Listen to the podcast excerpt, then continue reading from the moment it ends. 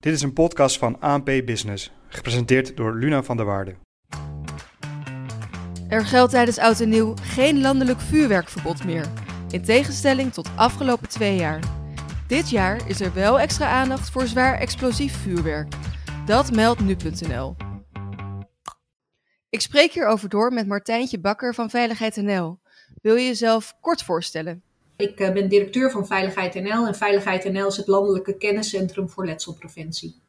Afgelopen twee jaar was er een landelijk vuurwerkverbod vanwege de coronacrisis. En is er nu niet meer? Wat vind je daarvan?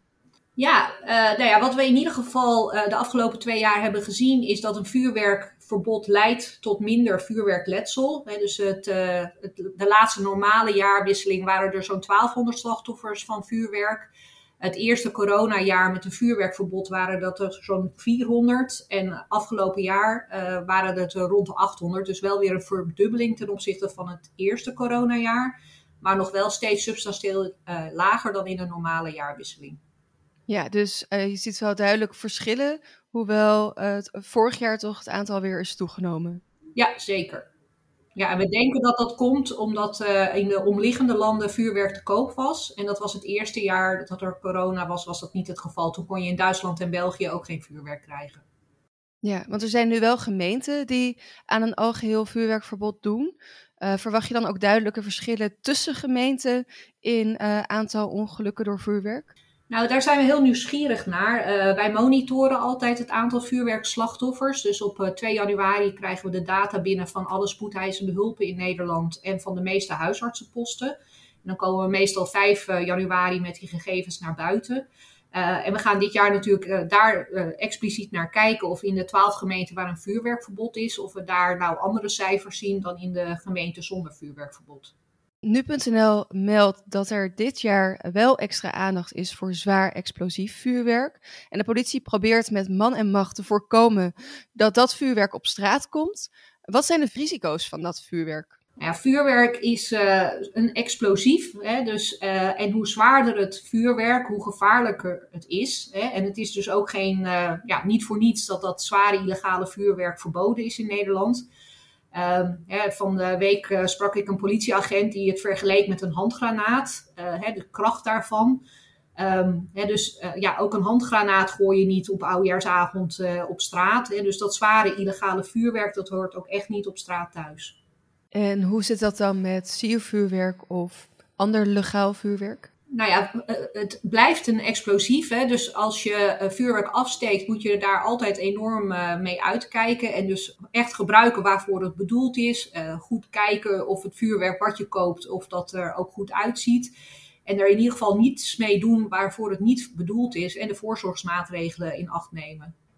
Ja, en is het niet onnodig om een verbod te hebben in gemeenten, terwijl het vaker goed gaat dan fout? Nou ja, wij vinden, uh, kijk, vuurwerk uh, kan tot letsel leiden. En uh, nou, de makkelijkste manier om dat letsel te voorkomen is door geen vuurwerk af te steken. of voldoende afstand te houden als je naar vuurwerk kijkt en het zelf niet afsteekt. En we hebben wel, nou ja, wat wij doen, we monitoren jaarlijks die vuurwerkletsels. En dan zie je wel dat zo'n verbod leidt tot een behoorlijke reductie van het aantal mensen wat slachtoffer is van vuurwerk. Ja, want wat zijn nou de meest voorkomende ongelukken met vuurwerk? Nou, het meeste uh, wat er gebeurt uh, zijn uh, brandwonden en oogletsel. maar in nou, hele erge gevallen kan het ook tot amp amputaties leiden. Van bijvoorbeeld een hand of een vinger of vingers. Ehm, ja, in het allerergste geval tot de dood. En dat, daar was dit weekend ook een voorbeeld van. Waarbij ja, helaas een slachtoffer te betreuren is die daaraan overleden is. En, uh, en dat kan ook gebeuren met uh, siervuurwerk of uh, een rotje bijvoorbeeld of iets dergelijks. Kijk, hoe, hoe zwaarder het vuurwerk is, hoe gevaarlijker het ook is. Maar we zien zelfs letsel van het, van dat, ja, het meest simpele vuurwerk, hè, dat is F1 vuurwerk. dan moet je denken aan bijvoorbeeld sterretjes, knalerten, van die grondbloemen, grondfonteinen, klein vuurwerk, hele jaar verkrijgbaar. Maar ook daarvan zien we uh, ja, echt ernstig letsel. Hè? Dus uh, behoorlijke brandwonden uh, en ja, oogletsel. En ja, hoe zwaarder dat vuurwerk is, hoe ernstiger ook het letsel kan zijn. En onder welke groepen mensen is dat dan vooral? Ja, nou ja, we zien vooral letsel bij jongens. Uh, hè, dus vuurwerk is kennelijk toch iets wat vooral door mannen wordt afgestoken, door jongens en mannen. En we maken eigenlijk altijd onderscheid in categorieën, leeftijdscategorieën. Hè, dus onder 12 jaar mag überhaupt geen vuurwerk afgestoken worden, maar zagen we afgelopen jaar best wel veel letsel nou ja, dan tussen de 12 en 16. Hè, dat is dan letsel bij, bij jongeren, zeg maar, die eigenlijk alleen maar F1-vuurwerk, het simpele vuurwerk, mogen afsteken, maar toch al vaak letsel oplopen van het F2-vuurwerk, wat het jaarwisselingsvuurwerk is. Um, ja, en dan daarboven, hè, dus boven de 16, zie je ook vooral letsel bij, bij jonge mannen. Ja, dus eigenlijk begint het al heel erg jong, die, die ongelukken. Ja, ja. Want hoe, ja. ontstaan die? hoe ontstaan die ongelukken? Nou ja, we zien uh, uh, bij, uh, nou ja, wat we in ieder geval ook horen van de brandwondenartsen, hè, dat hele jonge kinderen vaak al vuurwerkletsel hebben van bijvoorbeeld sterretjes. Een sterretje ja, lijkt heel, heel ongevaarlijk en er wordt ook vaak wel gesproken over dat dat koud vuur is bijvoorbeeld, hè, wat, een, wat een sterretje afgeeft. Nou, een sterretje wordt 1100 graden. En wat je vaak ziet is dat vooral jonge kinderen dan zo'n sterretje vast hebben. Of een ouder heeft zo'n sterretje vast met een kind op de arm. En kinderen grijpen naar vuur hè, of grijpen naar licht en naar, naar, naar glitteringen. Hè. Dus dan zie je vaak dat zo'n zo'n kindje behoorlijke brandwonden heeft aan de handen. Uh, je ziet, uh, dat was vorig jaar bijvoorbeeld de TikTok Challenge. Hè, dat vuurwerk wat op de grond lag, ook dat simpele vuurwerk, dat F1 vuurwerk, dat dat uitgetrapt werd. nou, dat leidde soms tot behoorlijke brandwonden in de, van de voeten. en we zien ook wel dat kinderen ja, bijvoorbeeld letsel hebben omdat er vuurwerk naar ze gegooid wordt, in een capuchon beland wordt en dan hebben ze bijvoorbeeld hele nare brandwonden op hun rug.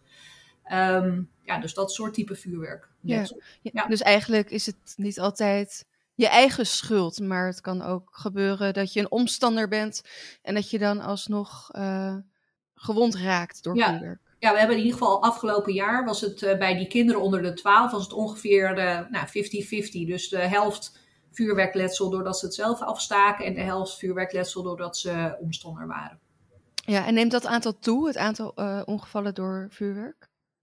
Uh, nee, uh, nou ja, niet de afgelopen twee jaar, maar daarvoor, hè, dus de laatste normale jaarwisseling, hè, dus de jaarwisselingen zonder vuurwerkverbod, zagen we wel weer een stijging van het aantal vuurwerkslachtoffers. En hoe komt dat dan? Ja, ik denk dat mensen toch ja, veel nou ja, niet de voorzorgsmaatregelen in acht nemen die belangrijk zijn als je vuurwerk afsteekt. en ja, toch ook met illegaal vuurwerk aan, het, aan het rommelen zijn. Maar we, ja, we zijn wat dat betreft ook altijd afhankelijk van de gegevens die we krijgen van de ziekenhuizen en van de huisartsenposten, om daar zo gede gedetailleerd mogelijk iets over te kunnen zeggen. Maar ja, hoe zwaarder het vuurwerk, hoe ernstiger het letsel, dat kunnen we wel zeggen.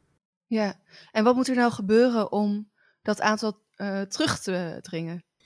Nou ja, wij uh, vinden het heel belangrijk dat uh, mensen zich goed bewust zijn van de regels die er gelden. Hè. Dus onder 12 jaar geen vuurwerk. Kinderen onder 12 jaar mogen geen vuurwerk afsteken. En dus ook niet het F1-vuurwerk wat het hele jaar verkrijgbaar is.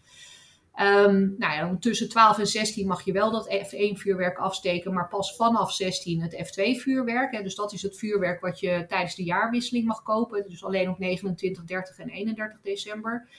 En dat je er dan ook echt alleen maar dat mee doet waar het voor bedoeld is. Hè. Dus ga daar niet mee stunten en neem de voorzorgsmaatregelen in acht. Hè. Dus draag een vuurwerkbril, gebruik een uh, aansteeklont. Uh, let op wat je aan hebt. Hè. Dus draag geen wijde kleren waarin vuurwerk kan belanden. Zeker ook belangrijk als je omstander bent. En van dat hele simpele vuurwerk, hè, dat F1-vuurwerk, daar moet je een meter afstand van houden. En van het F2-vuurwerk, het oudejaarsvuurwerk, 8 meter. Dus neem echt, hou echt voldoende afstand. Ja, dus je hebt het nu vooral ook over echt jongeren, over kinderen die heel bewust moeten zijn. Wie is er nou verantwoordelijk uh, dat dit ook uh, daadwerkelijk gebeurt? Vinden onder 12 uh, zijn ouders verantwoordelijk. Hè, dus dat is echt een leeftijdsgroep waar je als ouder verantwoordelijk voor bent. En er dus ook verantwoordelijk voor bent dat je kinderen geen vuurwerk afsteken. Um, ja, en daarna is het ook, uh, ja, ik denk zeker bij kinderen tussen de 12 en 16, hè, iets wat je gezamenlijk doet, hè, waar je ook gezamenlijk een gesprek over voert.